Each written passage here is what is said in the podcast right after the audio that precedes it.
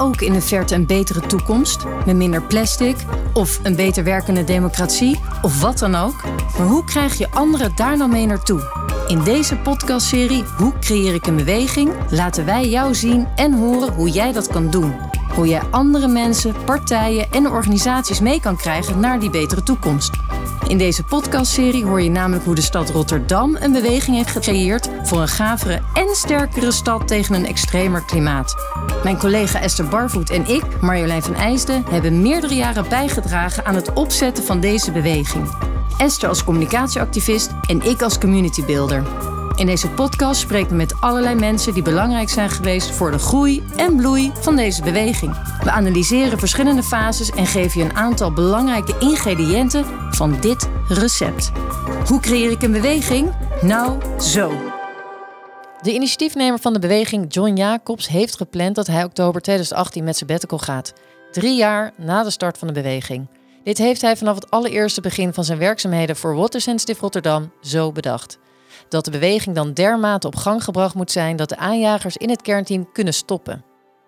De andere leden van het kernteam hebben tegen die tijd echter het gevoel dat het nog te vroeg is. Ze kunnen en willen het nog niet loslaten. Betrokken deelnemers van de beweging in de stad willen ook nog niet dat de aanjagers ophouden. Ook Drift, die we erbij halen om een advies te geven over het voortbestaan van de beweging, geeft advies nog niet te stoppen. Het is nog te pril, zeggen ze. Na een lang proces van wikken en wegen besluit het kernteam niet te stoppen, maar de organisatie juist breder te trekken. En dat wordt de Club van 36. In deze aflevering rijst de vraag waar iedere beweging onherroepelijk een keer, of misschien wel vaker, voor komt te staan: stoppen of doorgaan. En als we doorgaan, in welke vorm? Ja, Esther, ik kan me dat moment nog heel erg goed herinneren waar we voor stonden. Stop of doorgaan, zoals we dat heel hard ook zeggen. En uiteraard deze titel ook uh, zo benoemen. Ik um, ben heel benieuwd, wat kan jij nog herinneren van dat moment? Nou, ik weet dat het een hele rare situatie was. Want uh, we waren eigenlijk al maanden aan het dubben. En, uh, uh, en, en, en, en moeilijk aan het doen, stoppen, doorgaan, stoppen, doorgaan, kwamen we er niet uit. en uh, ineens was daar dat overleg en toen maakten we gewoon een rondje van, wil jij stoppen? Nee, ik wil niet stoppen. Wil jij stoppen? Nee, ik ook niet. Wil jij stoppen? Nee, ik ook niet. Nou ja, waarom, waarom, waarom praten we er dan überhaupt over? Dus ja, en toen was ineens na, na maanden wik en wegen de kogel supersnel door de kerk. En dat, dat vond ik heel grappig. Ja, ja, ik kan me dat ook echt, wat ik zei, zo goed herinneren. En inderdaad, dat moment naderde van hè, John gaat op sabbatical. En we zaten het overleg. Ik weet nog precies hoe we daar zaten, en hoe het was. En, um, en ik dacht, ja, jeetje, joh, ik wil het helemaal niet. Nee. Ik, alles in mijn lijf zegt, ik, eh, waarom zouden we stoppen omdat hij met zijn bed ja. gaat? Weet je? Ja. En toen dacht ik, ja, ik ga het gewoon zeggen.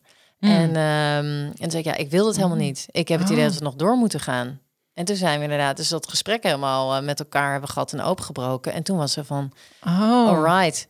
En hoe dan? Dan was jij de doorbraak. Ik was de doorbraak. Nou, ik en ik was wel... opgelucht. Ja, ik was echt opgelucht dat we ja. doorgingen. Ja, wat fijn. Ja, want dat is ook de vraag, hè? Echt wel van, is het nou een goed moment om te stoppen? Want soms gaan we te lang door. Mm -hmm.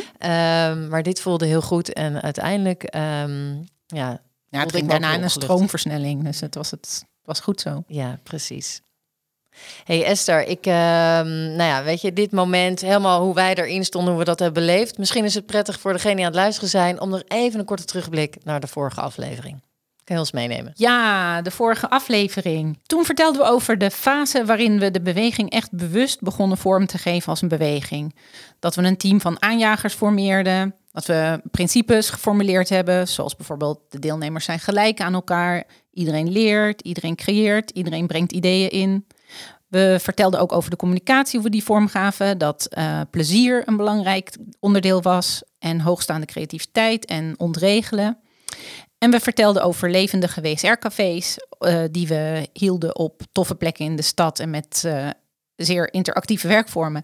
Dus dat was de afgelopen keer. En um, het mooie, of het interessante eigenlijk is dus dat de, de beweging volop in beweging was.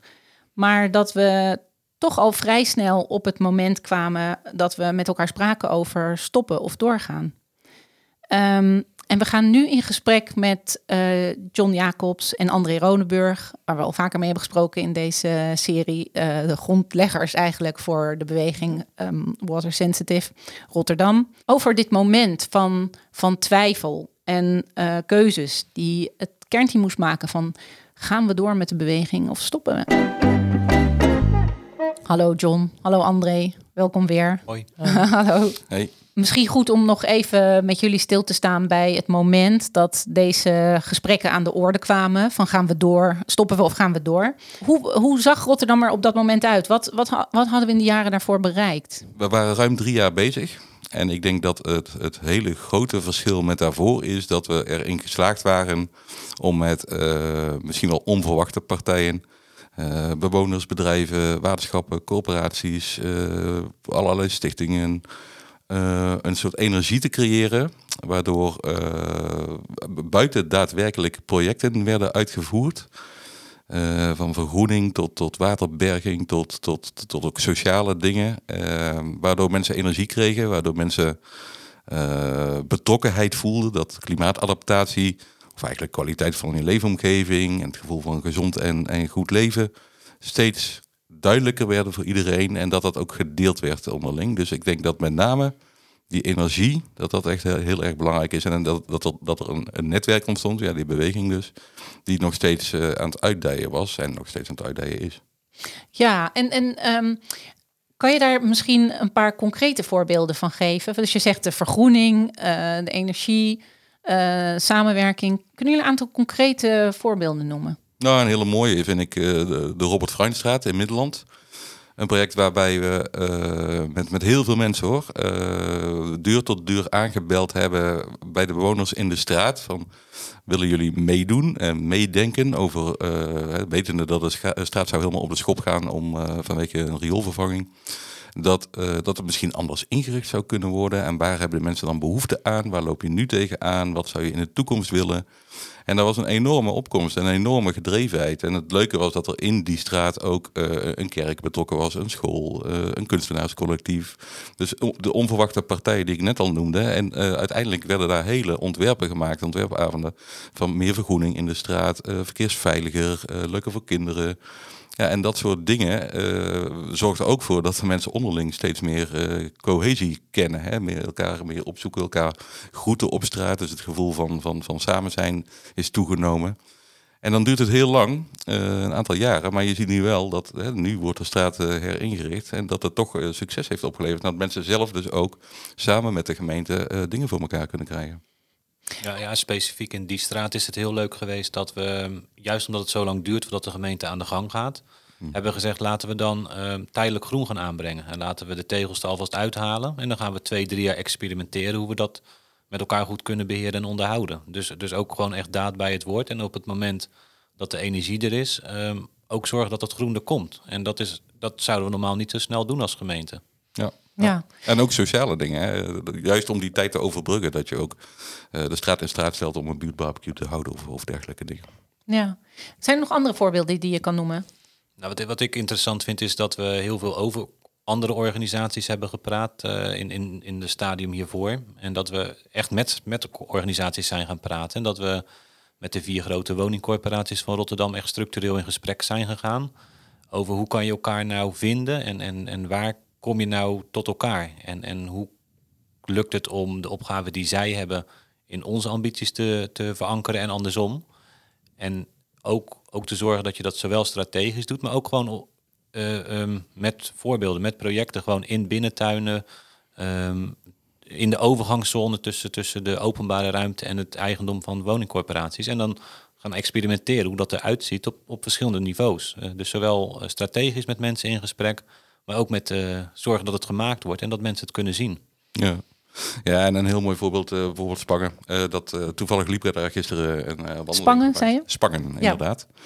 Uh, ik had een wandeling met, met, met iemand en die kende niks van Watersensitive Rotterdam. En we hebben daar een uurtje door de wijk gelopen. En uh, je, je ziet het ene project waar we uh, aan bijgedragen hebben, of mee geholpen hebben, of gefaciliteerd hebben, of geïnitieerd hebben zelfs.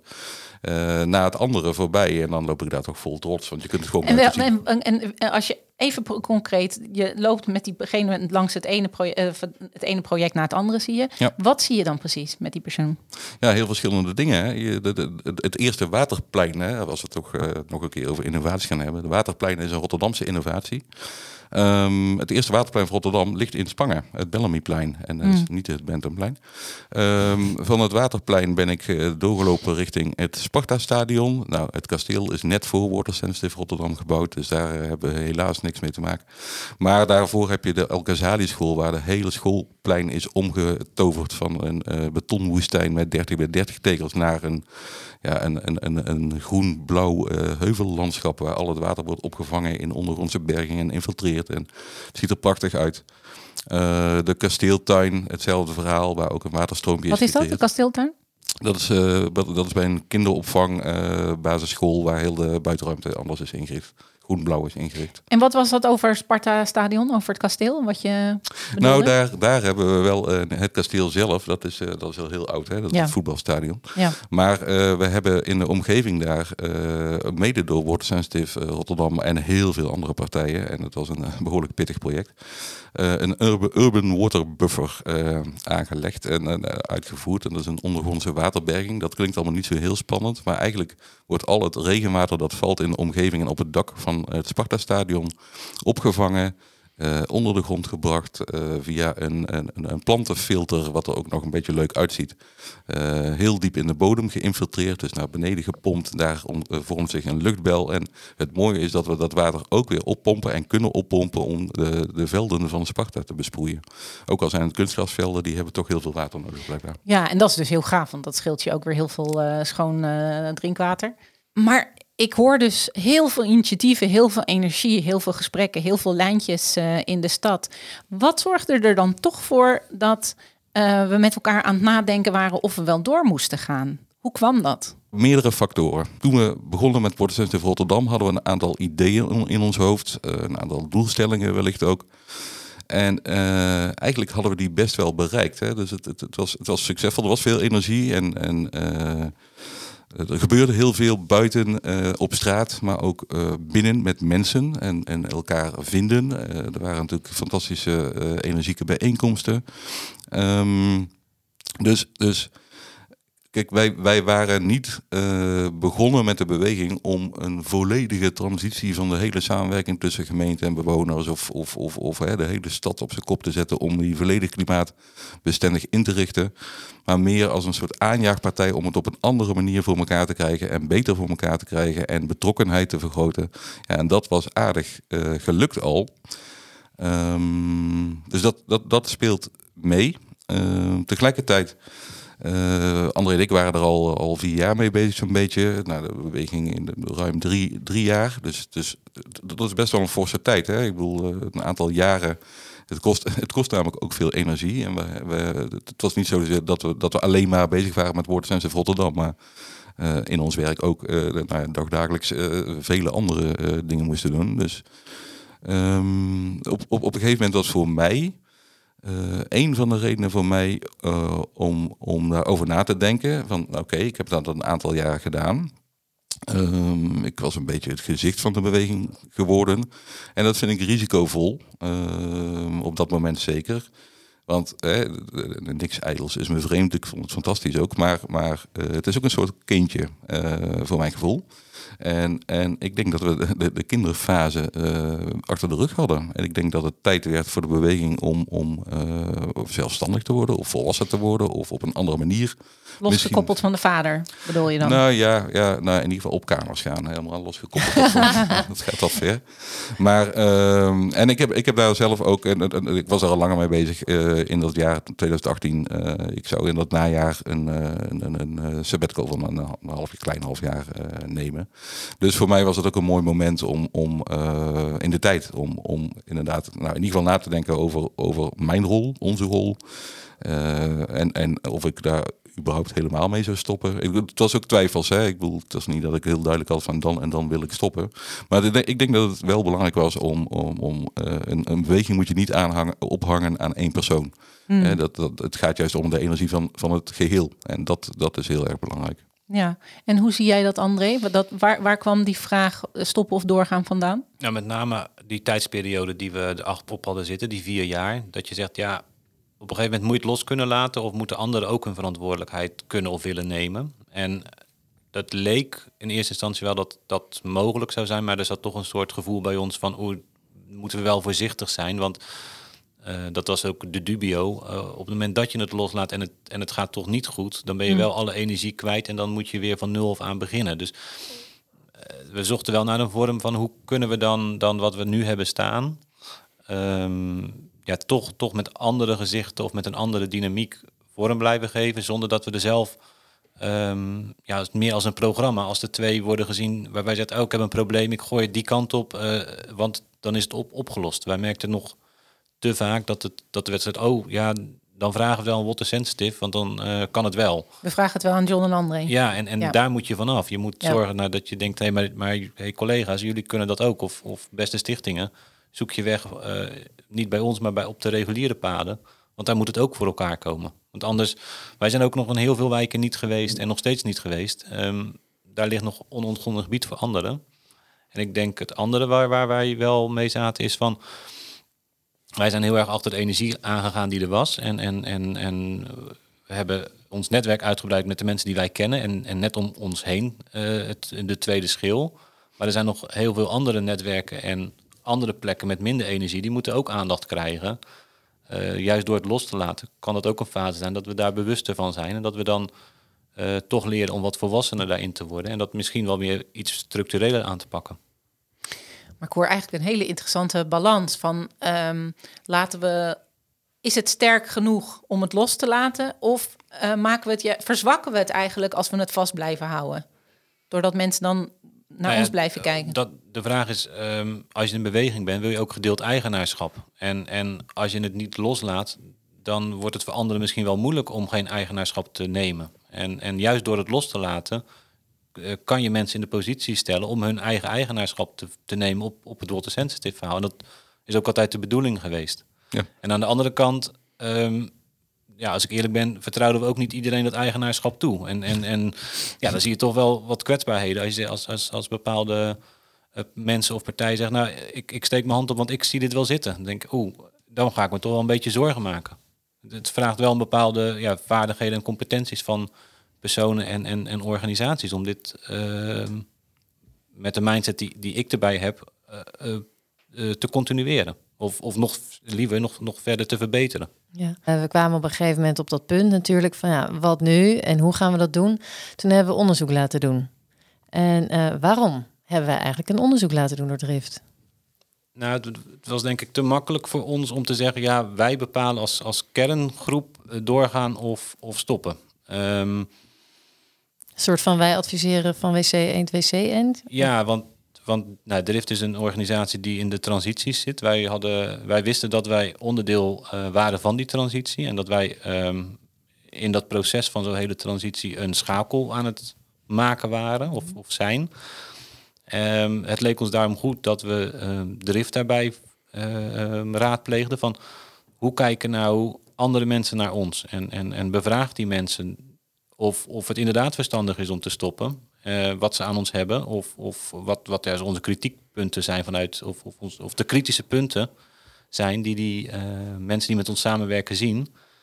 En dat we dan uh, ja, meer met de kennis en kunde van drift over hoe transities werken. tot een goed advies kunnen komen. Ehm, van waar, wat is dan de volgende stap die, die Water Sensitive Rotterdam als beweging door moet maken? En, en, en laten we daar open voor staan en niet met, met, met, met onze ja, eigen, eigen slimheden denken wat goed voor ons is. Ja. Hey, en John, hoe, uh, want jij had ervaring ook met drift?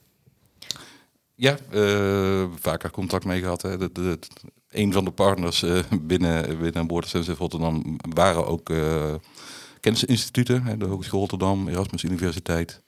Um, en ik denk Drift als onderzoeksinstituut specifiek. Uh, waar Jan Rotman vandaan komt en uh, dat soort uh, mensen. Ja.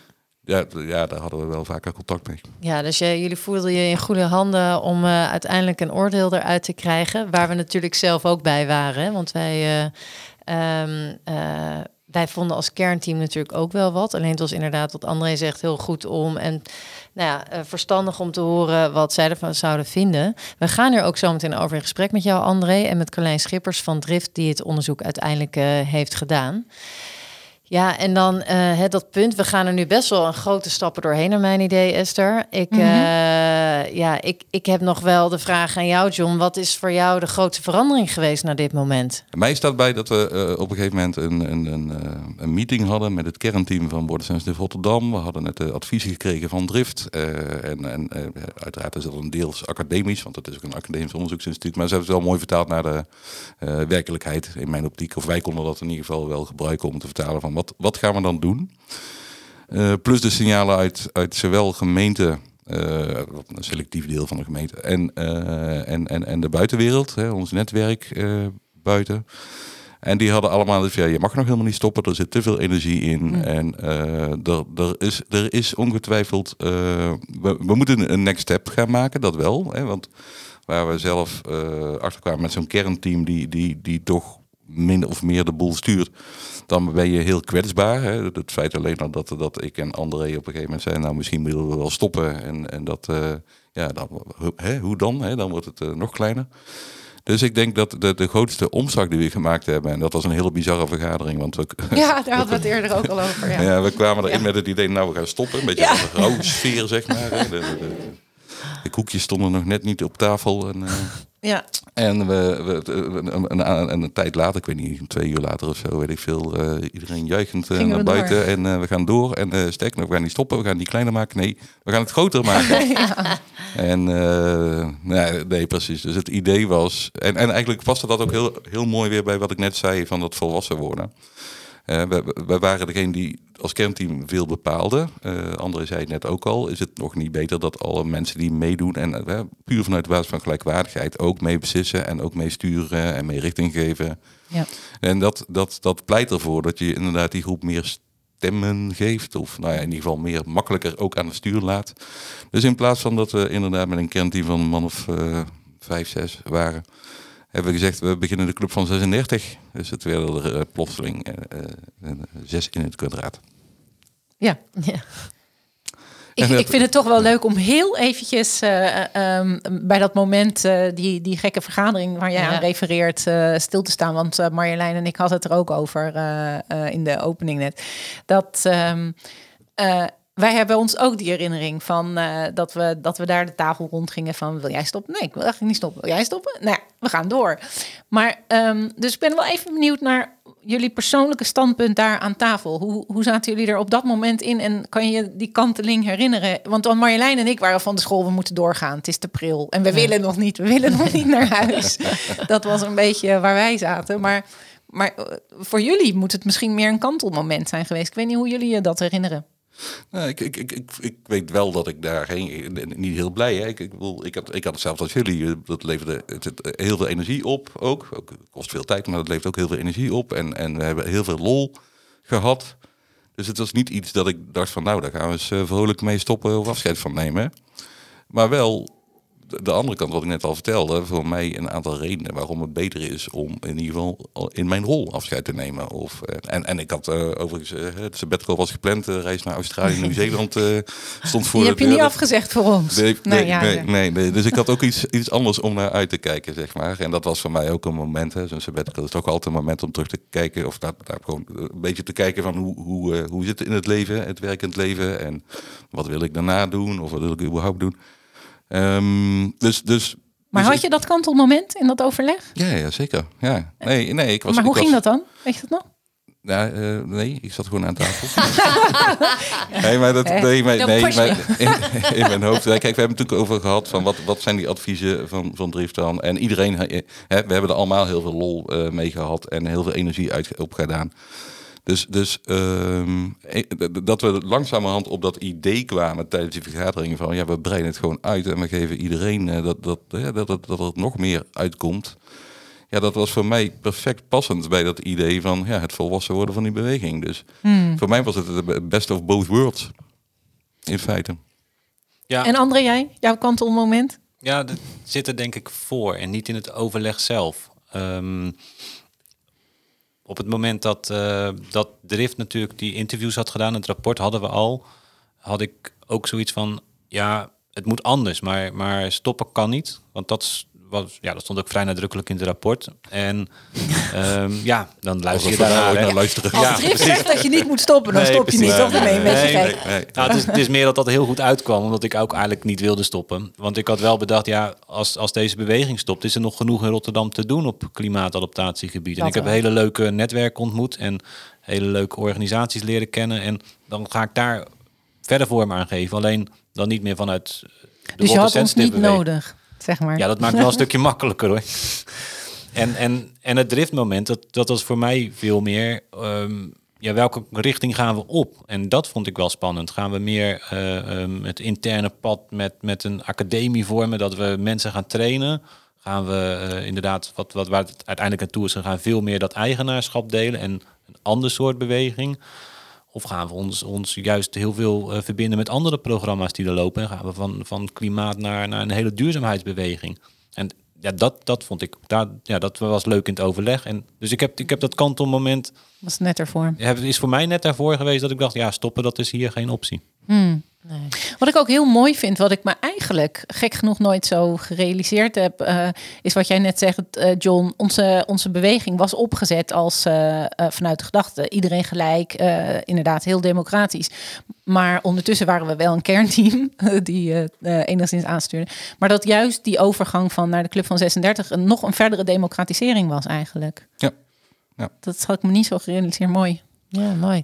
En um, je zegt mooi, er waren natuurlijk ook wel wat andere kanten aan de beweging. En uh, we hebben wat kritische noten die we volgens mij ook kunnen kraken.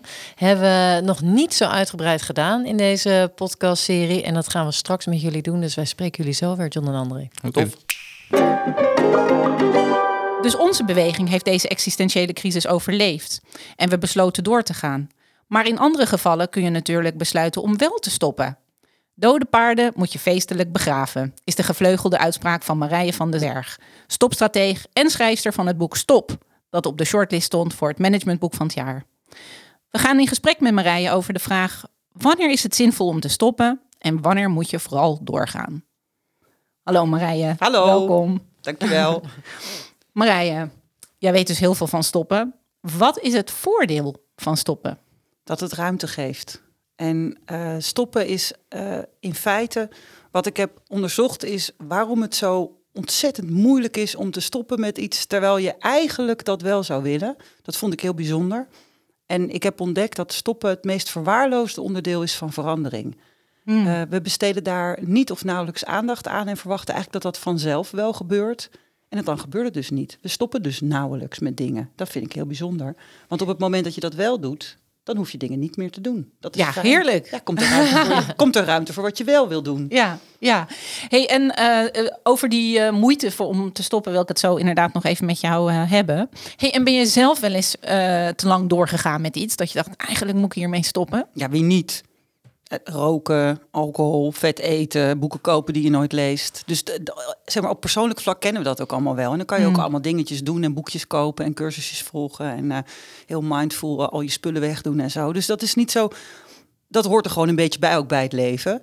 Um, waar ik onderzoek naar heb gedaan en dus ook het boek over heb geschreven, is hoe je dat nou in clubverband doet. Want hmm. in je eentje ergens mee stoppen is lastig, maar nou, dan heb je het in ieder geval nog zelf in de hand. Maar wat echt heel erg verwaarloosd is en waar ook eigenlijk niet heel, heel veel over bekend was, is hoe je dat dan in teams en organisaties doet. Hoe je goed stopt met dingen. En daar heb ik dat boek over geschreven. Ja, daar wil ik het inderdaad zo meteen ook nog met je over hebben. Over uh, uh, goed stoppen. Wat is dat dan? Hè?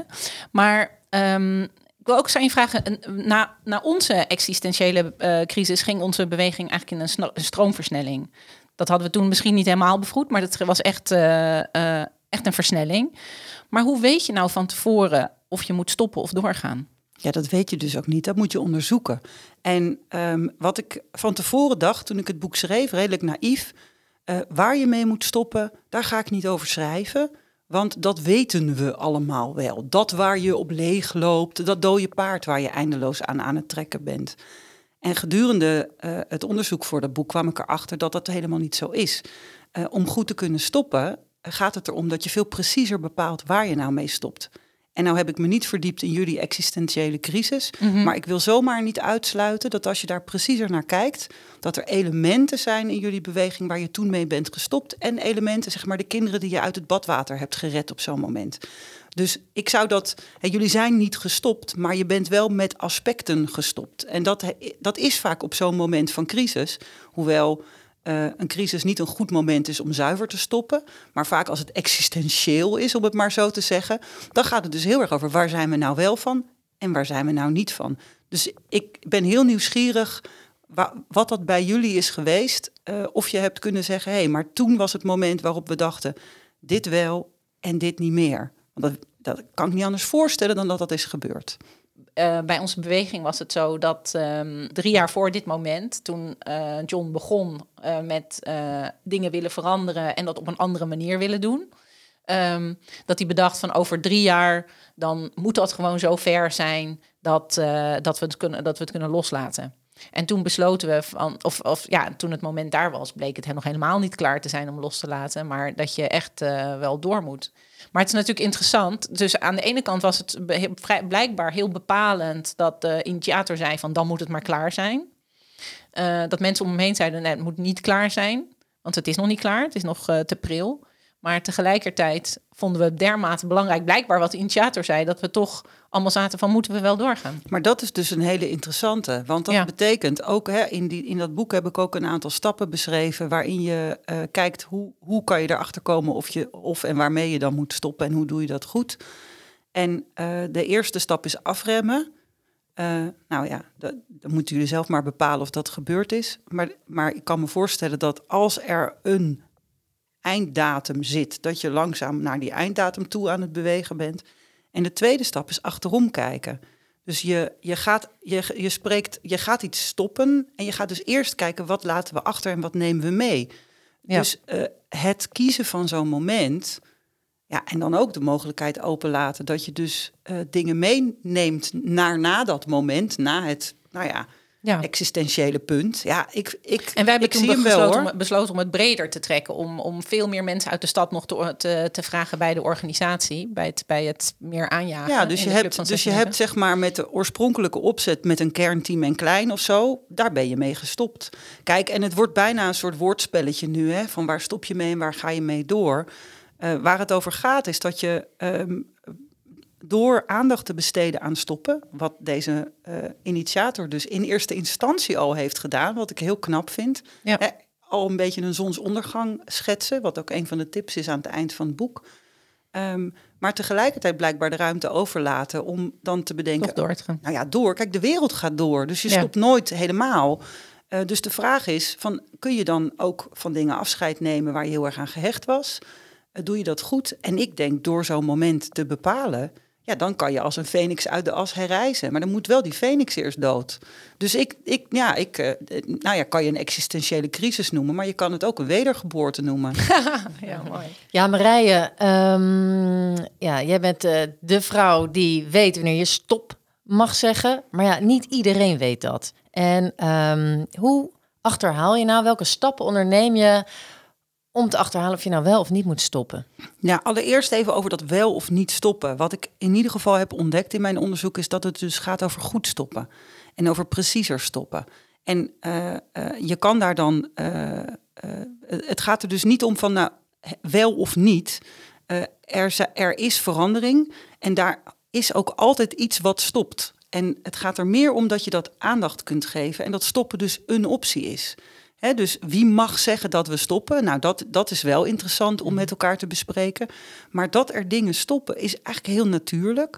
En eh, waar we volgens mij op leeglopen is nou juist dat, dat hele natuurlijke, dat we dat heel erg verwaarlozen in onze organisaties. Dat we er amper eh, rituelen voor hebben. eh, dat we denken dat het vanzelf gaat, dat we het geen aandacht geven. Eh, en dat is iets waarvan ik dan denk, als je eh, goed wil stoppen, ja, dan moet het eh, normaler zijn om dat ook te noemen. En daar zitten heel, veel, zitten heel veel leuke mechanismes die dat onmogelijk maken. Dus dat eerst over wel of niet. Ja, stoppen is er. En hoe doe je dat goed? Ehm, en lang doorgaan met iets is dan minder goed. Ehm, maar die, eh, die stappen, eh, het boek bestaat eigenlijk uit twee delen. Dat is waarom is het zo verrekte moeilijk en waar kan je het aan merken? En het tweede deel, het is een managementboek, heb ik vijf stappen beschreven, waarin ik dan die stopstrategie uitleg. En die stappen hebben een logische volgorde, maar gaan vooral over de vijf verschillende aspecten van stoppen waar je naar zou kunnen kijken. En ehm, de eerste is afremmen, zodat je om je heen kunt kijken om stoptekens te zien. En ook om eh, te accepteren van nee, er komt misschien, er, er moet iets nieuws en ik weet nog niet wat. Maar dit in ieder geval niet. Nee, want dat er even nog, dat is je eerste stap, maar daarvoor begint er iets te. Jeuken. Ja, Ja. dat is het dus. Want ja, je gaat af, maar je hebt een reden om af te gaan remmen. Nou, ik zou het eerder om willen draaien. Eh, omdat, kijk, eh, afremmen. eh, Kijk, op het moment dat je gaat, gaat versnellen, als je verdwaald bent, ga je versnellen. Als je iets zoekt, ga je versnellen. Ik weet niet of je het effect kent van je zoekt je bril of je fietssleutels of je peuter. Juist. Dan ga ja. je hollen. Nou, in organisaties zie je dat ook. Dan gaan mensen versnellen en dan gaan ze visie op visie op visie stapelen, bijvoorbeeld. En eh, heel paniekerig eh, dingen doen. Nou, dat is een teken dat je zoekende bent. En het Chinese spreekwoord zegt: een man die haast heeft, moet gaan zitten. Dus eh, je gaat niet afremmen omdat je stoptekens ziet, maar je eh, ziet stoptekens zodra je afremt. Anders buitel je zo dat ravijn eh, Oh, in. dank je. Deze kan ik meteen meenemen voor mezelf. Nou ja, dat Ja. is ja. En dan kan ik ook die, mijn zus citeren. Hè? Hollend de trap op gaat niet sneller. Je maakt alleen je kans op vallen groter. Dankjewel, zus. maar dat is dus, dus dat afremmen. eh, dat, is niet, dat is ook niet heel natuurlijk. En zeker niet als we op zoek zijn. En dan zie je ook dat de hele korte deadlines, dat we daar de hele tijd opduiken. Nou, dan kan je al helemaal niet meer normaal om je heen kijken. Dus dat is de eerste stap. En de tweede stap, als je dan één keer bent afgeremd en constateert: oké, ik weet nog niet hoe wel, maar in ieder geval wel dit niet. Dan komt het dat je preciezer moet gaan kijken. Dus dat noem ik achterom kijken. Wat laat je achter en wat neem je mee drie, vier over? En daar kan je allerlei leuke werkvormen voor hanteren. Mijn favoriete is ontwerp de mislukking. Eh, dan ga je met elkaar de mislukking ontwerpen en dan kom je er vanzelf achter. Nou, waar moeten we dus, wat moeten we dus in ieder geval niet doen? En daar moet je dan mee stoppen. Dat is heel moeilijk. Ik doe hem in veel organisaties. En dan merk je dat als je dan vervolgens bij, de, bij het punt komt... oké, maar ga dan nu bedenken hoe je dan gaat stoppen. Meestal wordt het dan meteen meer in plaats van minder. Oh ja. Dus dan gaan mensen kennisbanken doen of, of, of trajecten of pilots of weet ik wat. Dat is ook bijzonder. De derde stap gaat over afscheid nemen. We hebben weinig rituelen om afscheid te nemen in onze organisaties. Dat doen we niet goed en het is wel goed om het te doen. En eh, daar is ook een hele rationele, want je kan daar allerlei emotionele en spirituele redenen voor verzinnen, die zijn er ook. Maar er is ook een hele rationele reden waarom je goed afscheid moet nemen. En dat heeft te maken met dat clubje waar je het samen mee moet doen. Stoppen heeft namelijk een hele hoge bewijslast. Als iemand ermee doorgaat, gaat het door. Dat betekent dus dat gelijktijdigheid heel belangrijk is bij stoppen. Je moet echt gestopt zijn, allemaal. En op het moment dat je daarvoor een ritueel moment ontwerpt, het mooie van rituelen is dat het een overgang is. Hè? Zoals Danielle Brown die zegt, eh, rituelen zijn vluchtheuveltjes bij verandering. Nou, dat is heel erg waar. Maar het mooie is ook dat in een ritueel iedereen ook ziet dat we het met elkaar doen. Dus je weet van elkaar dat iedereen het weet. En dat is de kracht van ja, rituelen en momenten. Niet alleen bij afscheid, maar gewoon in algemene zin. Dus de, eh, de wetenschap dat de ander heeft gezien wat jij heeft gezien en meegedaan heeft aan waar jij aan hebt meegedaan. En dat rituele moment is bij stoppen heel belangrijk. Dus daar, en, als we, en omdat we er weinig eh, eh, vormen voor hebben, ja, een A4'tje en de bitterballen bij een afscheid, maar dat is het wel zo'n beetje, zie je ook dat, dat dat ook niet duidelijk is. En dan krijg je wel eh, het voorbeeld wat heel dankbaar in mijn boek zit, is bijvoorbeeld tijdschrijven in de zorg. Daar, kan ik alles aan ophangen. Dan zie je zo'n Hugo de Jonge heel kloek roepen: We stoppen ermee, we schaffen het af. Nou bleek dat al drie keer afgeschaft te zijn in, in de periode daarvoor. Er was dus niet een collectief afscheidsmoment van het tijdschrijven. Dat kon ook helemaal niet, want hij had niet nagedacht over stap vier, namelijk afleren. Want je kan wel zeggen, ik stop. Maar zoals we misschien mensen die wel eens gestopt zijn met iets waar ze aan verslaafd waren, roken of zo. Ja, stoppen met roken doe je niet op 1 januari. Dat doe je in de weken daarna. Ja. In de, nou, en dat afleren, dat is dus dat vierde aspect. Ik vind dat het leukste, want het is het moeilijkste. Het duurt ook het langste. Ehm, en daarin zie je ook heel veel, ja, heel veel misgaan. Maar kan er dus ook heel veel ten goede keren. Hè? Bij mij is het glas vaak half vol. En de laatste stap is afronden. Dat is een beetje een geintje, maar het is ook om aan te geven... Het, het, het moet ook weer even rustig mogen worden en even normaal zijn. Je hoeft niet de hele tijd maar te veranderen. En dat, dat gaat ook op voor stoppen. Dus het, het moet ook weer gewoon worden. Uh, dus je moet ook uitrijden met elkaar in, het nieuwe, nou, in, de, in de nieuwe situatie. Dus dat is de vijfde stap. Is ook niet zo lang. Dankjewel Marije voor dit gave gesprek. Nou, jullie bedankt voor de uitnodiging. En voor de luisteraar, er is nog veel meer Marije te horen in de bonus. Bijvoorbeeld geslaagde en minder geslaagde voorbeelden van stoppen. We hebben de afgelopen afleveringen enthousiast en blij verteld over het opzetten van een beweging. En dat heeft de beweging ook nodig, zo'n enthousiasme en drive. Maar een beweging is natuurlijk niet alleen maar roze geur en maneschijn. Er zijn dingen die minder lekker lopen en er zijn serieuze vragen te stellen. Nu we deze aflevering toch over stoppen, existentiële crisis en dat soort ellende praten, dachten wij: dit is een goed moment om ook eens de minder florissante kant van de beweging te belichten en de kritische noten te kraken. De komende 10 minuten is het tijd voor een blokje doom en gloom. En de vragen die voorbij komen, die hebben we met z'n vieren vastgesteld. Dus uh, daar komen ze. John en André, jullie krijgen een uh, aantal vragen van ons gesteld. En wie hem oppakt, die geeft het antwoord. Is zo'n bewegingsfilosofie niet te happy de peppy? Werkt het nou wel echt?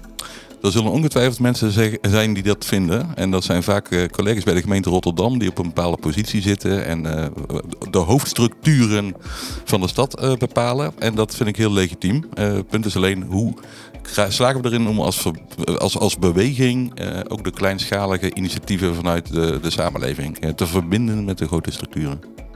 Ja, aanvullend. Ik, ik gun ook iedereen onderdeel te zijn van een verbinding. Ehm, en ik denk dat deze reactie heel vaak komt van mensen die nog nooit onderdeel, echt onderdeel van zo'n ehm, ehm, ja, community zijn geweest. En als je dat niet bent, dan is dit een vraag die je jezelf stelt. En dan weet je ook niet wanneer zo'n club wel werkt en wanneer het niet werkt. Vraag 2. Als deze beweging zo succesvol is, waarom zien we dat dan niet vaker? Ja, dat, dat, dat is een hele goede vraag, want dat vraag ik me dus ook af. Maar dat heeft denk ik te maken dat, dat de, de, de afrekenbaarheid of, of het meten van successen van zo'n beweging heel anders zijn. Eh, als ik zeg, ja, we hebben 30 mensen de mindset veranderd. Ja, hoe, meet je dat dan en wat bereik je daar dan mee? Het is veel makkelijker om te zeggen welke target hebben we gehaald of welke KPI uh, hebben we met elkaar nagestreefd. En dat is veel kwantificeerbaarder. 3. Is het niet een te losse manier van aansturen in zo'n grote veranderopgave? Het is uiteraard een lossere manier van aansturen, maar te is een uh, overdreven woord hierin. En laten we wel wezen, het is niet dat een beweging de hele veranderopgave helemaal kan trekken. Hè. Dat is, daar is veel meer voor nodig. Maar het gaat er, we hebben het al vaker gezegd, het gaat erom om in ieder geval de boel aan te jagen. Vraag 4. Leidt zo'n beweging tot voldoende innovatie? dat is echt een hele stomme vraag. Uh, ten eerste, uh, innovaties, die, die, dat, zijn, dat is geen doel op zich. Hè. Dat is een middel om dingen te bereiken die je op, die op een andere manier niet kunt bereiken. Dus dat is echt, uh, echt, echt belachelijk. Um, en wat, als het gaat om innovaties, het, het, grappige is dat binnen uh, Rotterdam juist inderdaad innovaties hebben uitgevoerd. Zowel technisch, hè, de Urban Water Buffer was al zonder Stift Rotterdam niet gekomen. Maar ook procesmatig, de manier waarop we samenwerken en zelfs financieel. Is de beweging niet te exclusief? Uh, ja, dat is die wel. Um, kijk, uiteindelijk start je met z'n tweeën of, en dan, dan formeer je met elkaar een groep van je eigen netwerk. En daaromheen breidt dat zich uit met mensen die die mensen weer kennen.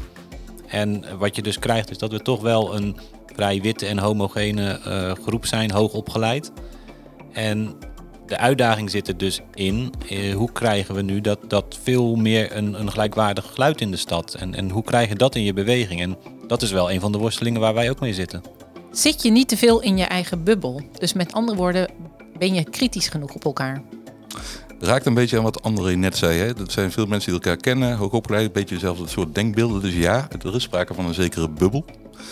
Um, ik denk dat we bewust probeert, geprobeerd hebben binnen Wordensens Rotterdam om uh, dat kritische geluid wel te introduceren. Maar ik, ik ben me ervan bewust dat dat niet altijd lukt. Ja, is het niet te duur met al die evenementen en communicatieactiviteiten? Ja, maar de vraag is tegen wat zet je dat af? Want, want daarmee zeg je, is het duurder dan iets anders? En, en uh, ja, er worden ook gewoon rapporten geschreven door bureaus. Uh, en daar kijken we drie keer naar. Die, die komen dan in een la. En dat heeft ook een ton gekost. Dus, dus dan is de vraag: mag een evenement waarbij je 100 mensen met energie weg laat gaan uh, 10.000 of 15.000 euro kosten? Ik vind dat wel een, moeilijke vraag. Het is een, wel een andere manier van hoe je, Hoe je dus afrekent wat je uh, bereikt met elkaar. En wat je daar dus voor over hebt. Um, de meetbaarheid van het resultaat is dus, dus best wel lastiger en zal zich veel meer op lange termijn manifesteren. Ja, en aanvullend, wat we gemerkt hebben, want uh, specifiek de Bord cafés, uh, bij, de, bij de bol uh, na afkomst hebben we elke keer diverse mensen vanuit verschillende organisaties of achtergronden elkaar leren kennen. En er zijn elke keer nieuwe projecten uit voortgekomen in de buitenruimte die daadwerkelijk zijn uitgevoerd. En dus iets betekend hebben voor het verbeteren of aantrekkelijker maken van de stad. Ja, en, en zonder waren die er niet geweest, dan, dan, dan, dan was de stad had niet met die partijen met elkaar een mooi resultaat bereikt. En, en ja, dus, dus is de aanloopfase misschien duur, maar is het resultaat voor de stad is, is, is misschien uh, een waarde die uh, heel goed in verhouding staat met wat, wat het evenement gekost heeft. Eén laatste vraag. Zijn er niet te veel bewegingen? Er is maar zoveel waar je aan mee kunt doen als mens. Ja, volgens mij mogen er nog wel wat meer bewegingen zijn. En, en, want we horen vaak het geluid. De mensen worden best wel uh, bevraagd van doe met ons mee in onze beweging. Uh, aan de andere kant, ja, hoe groot zou onze beweging zijn? 500.000, misschien 2000 mensen. En dan, dan is dat echt al heel veel. Uh, ja, we hebben ook 600.000 Rotterdammers. Dus hoe, hoe, staat dat dan in verhouding? Dat betekent ook dat er nog 598.000 Rotterdammers geen onderdeel zijn van in ieder geval onze beweging.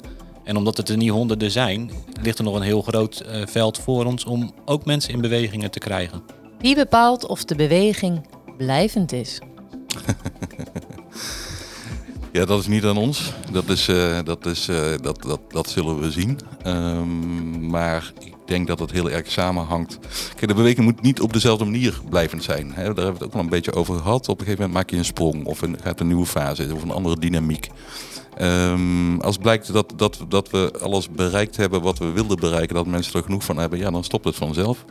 Uh, mijn vermoeden is, als ik zo om me heen kijk, dat het alleen maar nog verder uitdijt. Uh, dat is wat we in de praktijk merken. Dus dat lijkt mij dat het, dat het in ieder geval zodanig iets in gang gezet heeft dat, uh, dat de manier van denken nooit zal verdwijnen. Ja, volgens mij als je, als je intrinsiek gemotiveerd bent en vanuit een beweging wil werken, is het wel heel handig als er bepaalde partijen faciliteren of financieren. Maar als het je echt raakt en het je echt belangrijk vindt, dan kan je zonder die twee voorwaarden kan je ook door. Want dan ga je het zelf organiseren of dan ben je misschien meer bereid om uh, op een andere manier je prioriteiten te stellen waar je aan werkt. Dus, dus uiteindelijk is de beweging zelf die bepaalt één hoe het vorm krijgt en twee of die doorgaat. Dank jullie wel, John en André. Heel graag gedaan. In de vraag of we doorgingen lag nog een andere vraag besloten. In welke vorm? Blijven we een beweging? Of gieten we onze energie in een andere vorm? We legden beide vragen voor aan Drift, het onderzoeksinstituut voor duurzaamheidstransities. Carlijn Schippers, welkom. Jij bent van Drift. Klopt. Jij was ook destijds betrokken bij eh, het onderzoek naar de rol van uh, eh, WSR in de ontwikkeling van de stad Rotterdam. Kan jij ons vertellen wat je precies toen hebt onderzocht en uh, of wat jullie hebben onderzocht en op welke manier? Uh, ja, dankjewel dat ik hier mag zijn om met jullie over te praten. Um, jullie kwamen inderdaad met de vraag naar ons toe van hey, we zijn een tijdje bezig. Um, we zijn aan het brainstormen over of we verder willen en hoe. En aan ons dus de vraag om jullie daarbij te helpen. En wat we toen hebben gedaan is dat we met een twintigtal mensen in de omgeving van WSR um, ehm, hebben gesproken. Zowel mensen binnen de gemeente als uh, in de stad. Over wat zij um, de meerwaarde vinden van WSR. Uh, eh, wat het hen brengt en hoe zij ook die toekomst van WSR zagen. En vervolgens hebben we eigenlijk op basis van die input van die interviews zijn we met jullie, het kernteam, in gesprek gegaan om te reflecteren over oké, wat zegt dit ons nou? Wat leren we hieruit en wat nemen we hieruit mee in, um, ja, in ons gesprek en onze gedachten over die toekomst? Toen hebben we met elkaar eigenlijk een aantal scenario's geformuleerd uh, die ons hebben geholpen om eigenlijk na te denken over die rol in de toekomst over die scenario's gaan we zo meteen nog uh, hebben. Maar die, uh, die interviews met twintigtal mensen, uh, zei je geloof ik. Ja. Hoe, wat, wat, wat leverde die voor inzichten op? Oeh, een heleboel. Um, ik denk vooral een heel divers beeld van de verschillende rollen en functies die mensen jullie toedichten. Dat dat best wel breed was. Uh, dus sommige mensen vonden het vooral heel fijn, um, bijvoorbeeld bewoners in de wijk of initiatief in de wijk, uh, dat ze van jullie expertise, bij jullie expertise konden vinden. Um, of misschien juist een, een, uh, een, ingangetje naar de gemeente, dat ze de juiste mensen konden vinden om hun te helpen.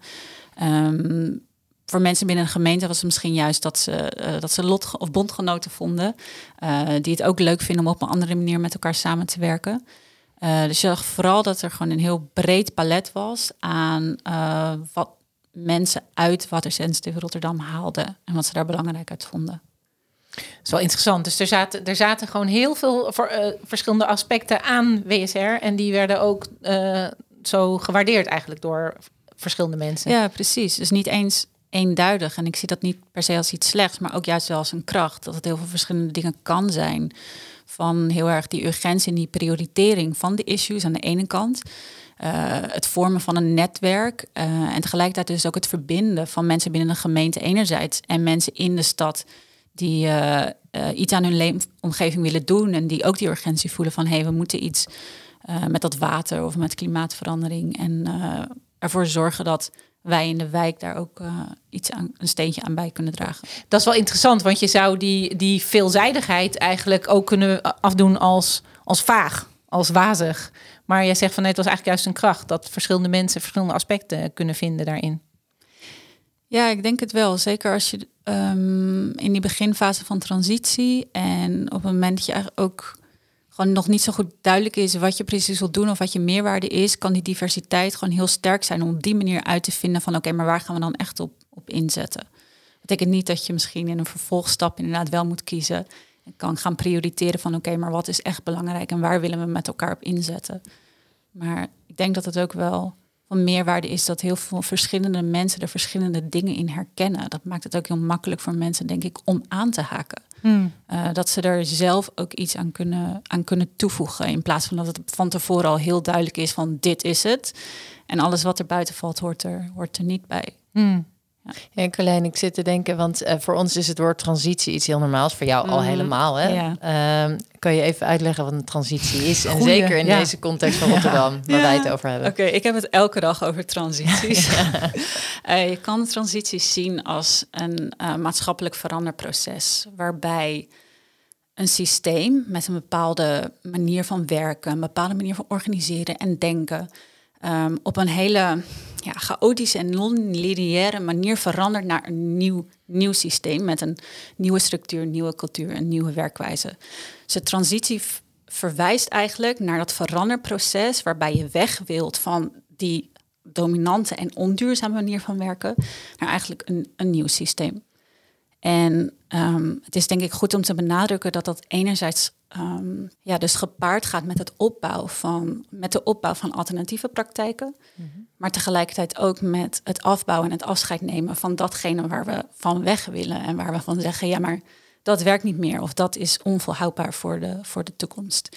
En dat is een heel spannend proces, want ehm, het is soms heel onduidelijk waar het heen gaat. Er zijn heel veel verschillende mensen bij betrokken. Het gaat ook over afscheid nemen en verlies. Het gaat ook over belangen. Dus vaak is er ook wel heel veel spanning en chaos eh, in zo'n transitieproces. Eh, maar dat maakt het tegelijkertijd ook ontzettend leuk om dat eh, met elkaar te doen. Ja, fijn, helder. Ja, je, inderdaad, je beschrijft het. Is een non-lineair proces. Het is gewoon chaotisch. Ja. Het is, wat je zegt, durf het loslaten. eh, stap voor stap, al weet je niet per se waar je naartoe gaat. Precies. En eh, Ja, en ook dat het lang duurt. Dat heb ik misschien nog niet gezegd. Maar Mhm. transities mm, ja, duren soms meerdere decennia. Ja, dus het is ook niet dat je kan zeggen... oh, we beginnen een transitie en eh, hij is over vijf jaar is hij afgelopen. Maar dat is Ja. vaak wel wat een overheid ook graag wil. Hè? Van Ja. we gaan een transitie ehm, ja, bepalen hoe dat gaat... maar je kan een transitie eigenlijk niet managen. We gaan een transitie uitrollen. Precies. ja, ja. Zo werkt het helaas Nee, dus het is ook loslaten, leven met onzekerheden. En ehm, Ja, en heel goed in kaart brengen en invoelen wat die maatschappelijke veranderdynamiek is. Dus wat er speelt in de stad. En ehm, daar op een hele slimme manier op proberen in te spelen. ja. Ja. En ehm, ja, ik heb een vraag voor André, maar toch heb ik nu komt er een vraag op voor jou, Carlijn. Hoe belangrijk zijn daarin de relaties met anderen in een transitie? Met Ah. wie je in die transitie zit? Ja, heel belangrijk. Ook omdat die relaties ook in transitie zijn. Dus in veel van de transities die spelen, bijvoorbeeld op het gebied van energie of mobiliteit, verandert ook de relatie tussen de overheid en bewoners. En ehm, ja, dus het is een essentieel onderdeel daarvan. Ja, dank je. Ja, Mag ik daar een vraag eh, over stellen aan André? Ja. Ja. Als we Carlijn zo horen zeggen, eh, dus ehm, in zo'n transitie vind je nieuwe manieren, maar je laat ook oude manieren los. Het is ook afscheid. Als we nou kijken naar ehm, wat WSR eh, deed in eh, Rotterdam, of klimaatadaptatie. Wat zijn dan de dingen die je, die je wint, die je hoopt te vinden? En wat zijn de dingen die je kwijt, waar je afscheid van moet nemen? Ja, ik denk dat onze focus in het begin op het ontdekken was van hoe het anders kan. Dus, dus ook een andere manier van werken, ruimte creëren die er in principe niet is, maar waarvan je wel denkt, ja, fysiek is die te maken en, en met elkaar is die te realiseren. Dus waarom gaan we het niet doen? Eh, ik vind dat persoonlijk ook het makkelijkere stukje van ehm, de transitie, want daar, Mhm. dat is pionieren, daar Ja. heb je pilot en niches en, en noem maar op. Daar, daar is altijd wel ruimte voor. Ja, als je Maar- energie hebt, kan je dat gaan doen. Ja, en, maar het Ja. wordt veel spannender op het moment dat, dat je dan eh, dat knelt met wat de gemeente eh, voor ogen heeft. En, en, en dat je zegt, nou, maar dit willen we misschien structureel. En dan wordt het opeens spannend, want dat is niet de afspraak die we in de organisatie waar ik dan ook zelf onderdeel van ben, hebben, hebben vastgelegd met elkaar. En, en, en dat geeft dan onrust van, ja, maar als we dat hier doen, dan doen we het overal. En, en wie gaat het dan beheren? En eh, wat voor wildgroei krijgen we niet in de stad? Eh, en en nou, dat, dus, dus dat wordt wel geprobeerd en dat lukt ook. Ehm, maar dan zie je dat er wel een, een, een, vanuit de gemeente een soort proces voor nodig is om het andere werken dan toch wel weer te formaliseren in een alternatief. En, en nou, dat is aan de ene kant een succes en aan de andere kant tim je het weer op een andere manier dicht. Dus dat is ook wel weer jammer. Ja, Dat is vanuit ons, vanuit transitieperspectief, heel herkenbaar. En waar wij ook wel een belangrijke rol zagen voor Water Sensitive Rotterdam. Want aan de ene kant heb je dus die, ben je aan het innoveren, probeer je nieuwe dingen uit. Uh, maar aan de andere kant wil je dat dus op een gegeven moment gaan verbinden met ja, die dominante manier van werken. En die aan elkaar verbinden. Want uh, als het te geïsoleerd blijft of te losgekoppeld, kom je uiteindelijk niet tot die fundamentele verandering die je nastreeft. En Water Sensitive Rotterdam heeft denk ik wel een belangrijke rol in het ja, maken van die connectie. Carlijn, jullie hebben dus die gesprekken met die twintig uh, mensen vanuit de stad en vanuit de gemeente, uh, die gesprekken hebben jullie gevoerd. Daar hebben jullie scenario's uitgehaald. Uh, kan je daar iets over vertellen? Ja, klopt. Um, in gesprek met jullie bleek eigenlijk dat er twee inhoudelijke keuzes waren te maken en twee keuzes meer over de organisatievorm. En die twee inhoudelijke keuzes gingen ten eerste heel erg over: oké, blijf je als beweging focussen op water, dus heel smal, of focus je heel erg op de leefomgeving in het algemeen? Want het gaat ook over groen, het gaat over sociaal, het gaat over gezondheid. Dat kwam ook heel erg naar voren in de gesprekken. En de tweede inhoudelijke keuze was eigenlijk. Um, is het belangrijk om vooral op die interne organisatieverandering te richten, dus op die nieuwe manier van werken van ambtenaren, of richt je je echt op die verandering die je wil zien in de stad? Dus dat waren de inhoudelijke keuzes. En wat betreft de organisatie waren er ook twee inhoudelijke vragen. Um, wil je meer een, een, een, formele, vaste vorm als, als beweging en als kernteam? Of blijf je een meer fluïde netwerk dat wat losser met elkaar samenhangt en ja, wat bewegingsvrijheid blijft behouden? Uh, en anderzijds uh, de vraag, ja, blijf je inderdaad onderdeel van de gemeente, ook organisatorisch? Of um, word je een hub uh, buiten in de stad die echt met mensen in de stad aan de slag gaat? Um, dus ja, een voorbeeld daarvan is dus die hub. Hè. Daar kan je ervoor kiezen dat je misschien als organisatievorm meer richting de stad gaat en ook meer uh, je richt op die verandering die je in de stad wil zien. En ook dan ben je dus ook meer fluïde. Dus meer fluïde, meer van de stad? Of is een hub juist vaster? Een hub kan ook vast zijn, denk okay. ik. Ja. En um, een tweede voorbeeld is dat je ervoor kiest om meer een, een, een soort van academy te zijn. Dat je je echt richt op die interne organisatieverandering, het verspreiden en delen van de lessen die je hebt geleerd over die nieuwe manier van werken van WSR. Uh, en je dan echt uh, ook onderdeel blijft van die gemeente als organisatie. Dus zo hebben we gespeeld met die assen om eigenlijk na te denken over verschillende scenario's. Um, ook vooral echt als gespreksstarter. Hè? Van oké, okay, um, wat zijn nou verschillende manieren waarover je over die toekomst kan nadenken? Mooi, interessant. En dus het feit dat uh, WSR uiteindelijk toch nog weer net iets anders ging doen, dat, dat was oké wat jou betreft. Want je zegt een gesprekstarter. Ja, precies. Het moet denk ik vooral gewoon functioneel zijn en ondersteunend aan die zoektocht waar jullie in zijn. En niet zozeer uh, prescriptief, hoe noem je dat, voortschrijvend over hoe wij denken dat het zou moeten zijn. Uh, maar echt ondersteunend in die, uh, in die zoektocht. Nou, en dat was het zeker. Want kort daarna hadden wij een doorbraak met elkaar. Dus uh, dat was echt uh, heel erg fijn. Heel hartelijk dank, uh, Carlijn, voor jouw toelichting op het onderzoek van Drift. Ja. Dank je wel. En precies op dit moment, ten tijde van onze existentiële crisis, riep Museum Rotterdam Water Sensitive Rotterdam uit tot echt Rotterdams erfgoed. Dat is een collectie van hedendaagse initiatieven, voorwerpen, foto's en video's die het Rotterdam van nu vastleggen en zo het erfgoed voor de toekomst bewaren. We spreken met Nicole van Dijk, destijds programmaleider van Echt Rotterdams Erfgoed en nu directeur van de Stichting Wijkcollectie. En zij was tevens een van de clubbers van de Club van 36. Hey Nicole, wij uh, heten jou van harte welkom in onze podcast. Uh, jij hebt ons meegenomen voor deze straatreportage met de ambassadeur van de beweging naar deze plek. Kan je beschrijven wat je ziet en waar staan we? Uh, we staan nu in het Zomerhofkwartier, aan de kop van het Zomerhofkwartier. Uh, hier is een, een regentuin aangelegd, hè, zodat het water ook makkelijker de grond in gaat. Maar ik heb jullie vooral mee naartoe genomen hierheen, omdat hier de, daar, zie je de letters zo hoog staan. En daarin zitten regentonnen verwerkt. En dat zijn slimme regentonnen van Bas Sala, de ontwerper. Um, en die hebben wij um, een aantal jaar geleden uh, opgenomen in de collectie Echt Rotterdams Erfgoed. Um, dus daarom uh, heb ik jullie hier mee naartoe genomen. Ja, want die lijst die fascineert mij.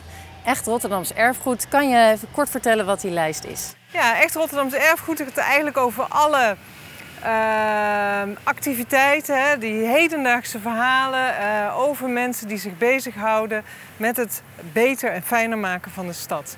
En dan het liefst in uh, nieuwe verbinding of samenwerking met elkaar. Want als je samen gaat werken en als je iets nieuws begint, uh, dan begin je eigenlijk ook een nieuw verhaal. En dat wordt hopelijk ook nieuw erfgoed in de toekomst. Dus het gaat echt over de toekomst, echt Rotterdams erfgoed. Ja, en nu heb jij besloten dat WSR, wat Sensitive Rotterdam, ook onderdeel werd van Ja. die lijst. Waarom?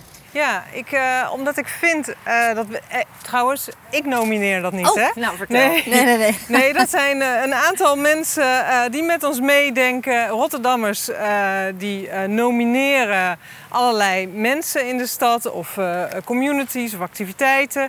En dan een groep van heel betrokken Rotterdammers denkt met ons mee.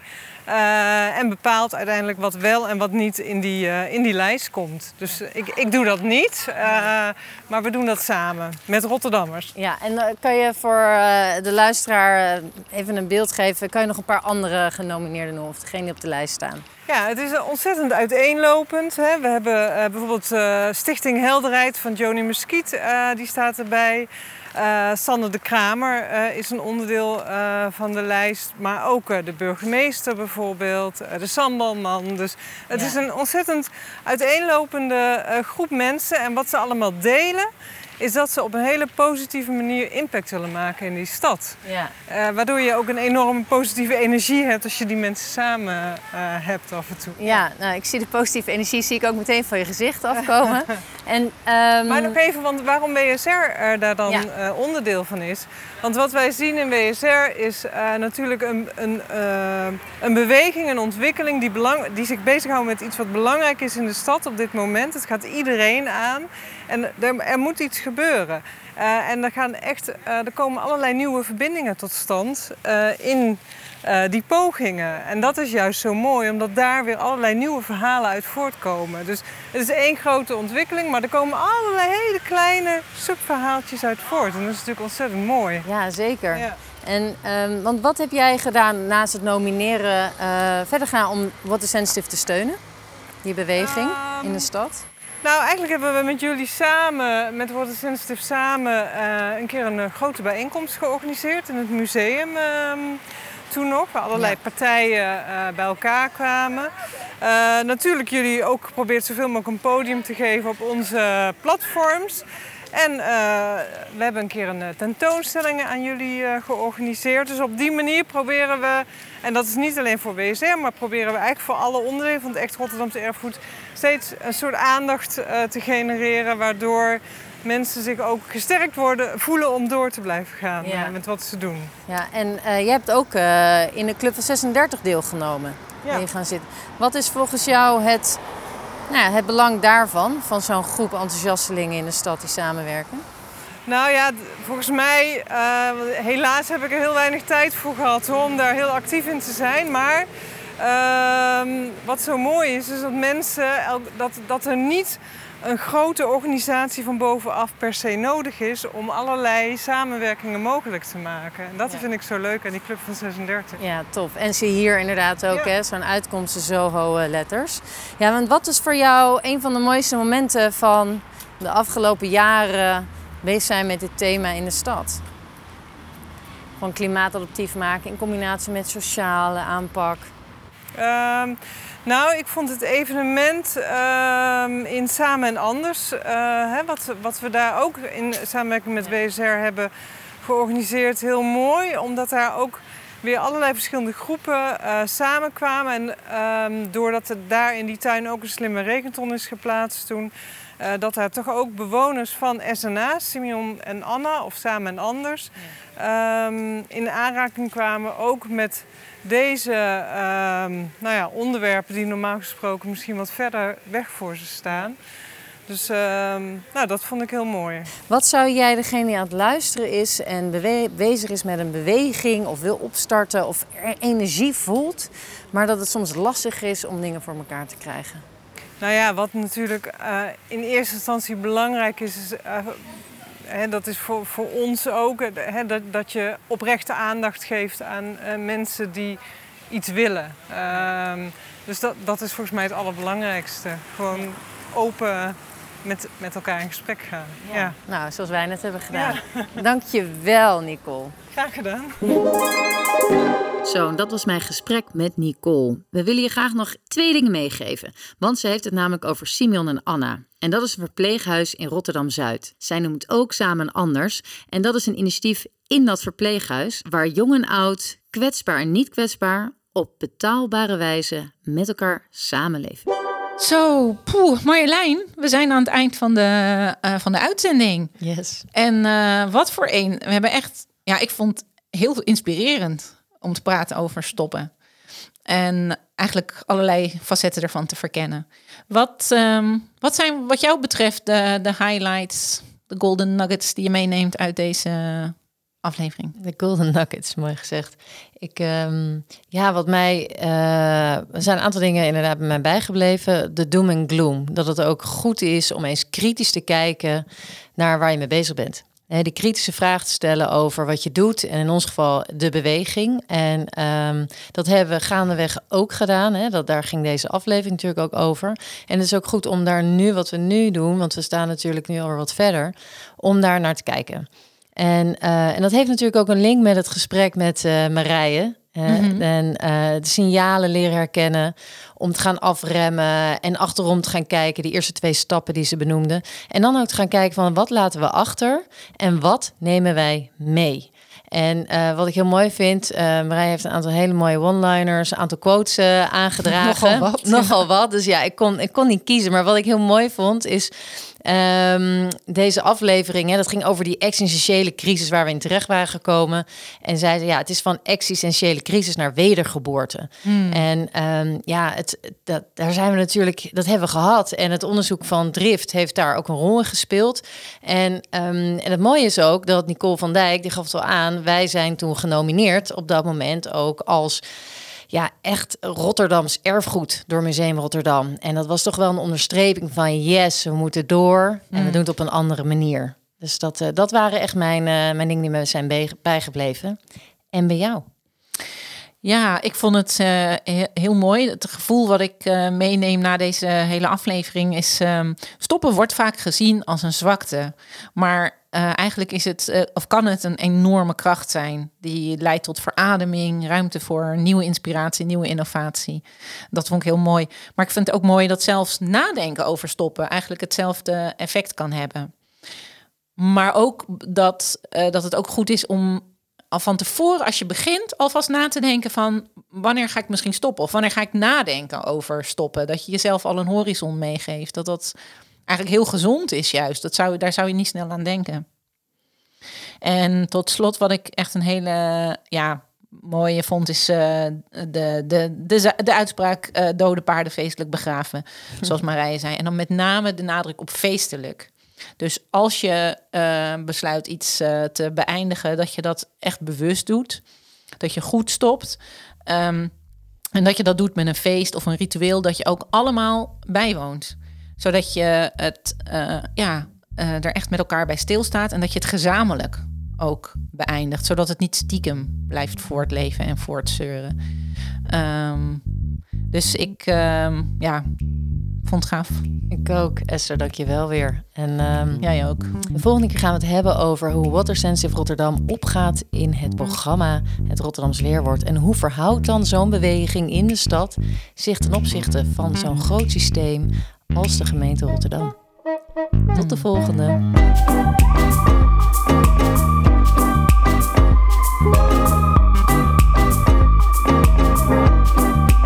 Bedankt voor het luisteren naar deze podcast. Wil jij meer horen over Rotterdam en klimaatadaptatie en over hoe jij je eigen beweging creëert? Volg de podcast op dit kanaal waar je nu op luistert en via de socials van Rotterdams Weerwoord. Je vindt ons op LinkedIn, Instagram en Facebook. En heb je een vraag voor ons? Stel deze, want Marjolein en Esther denken graag met je mee.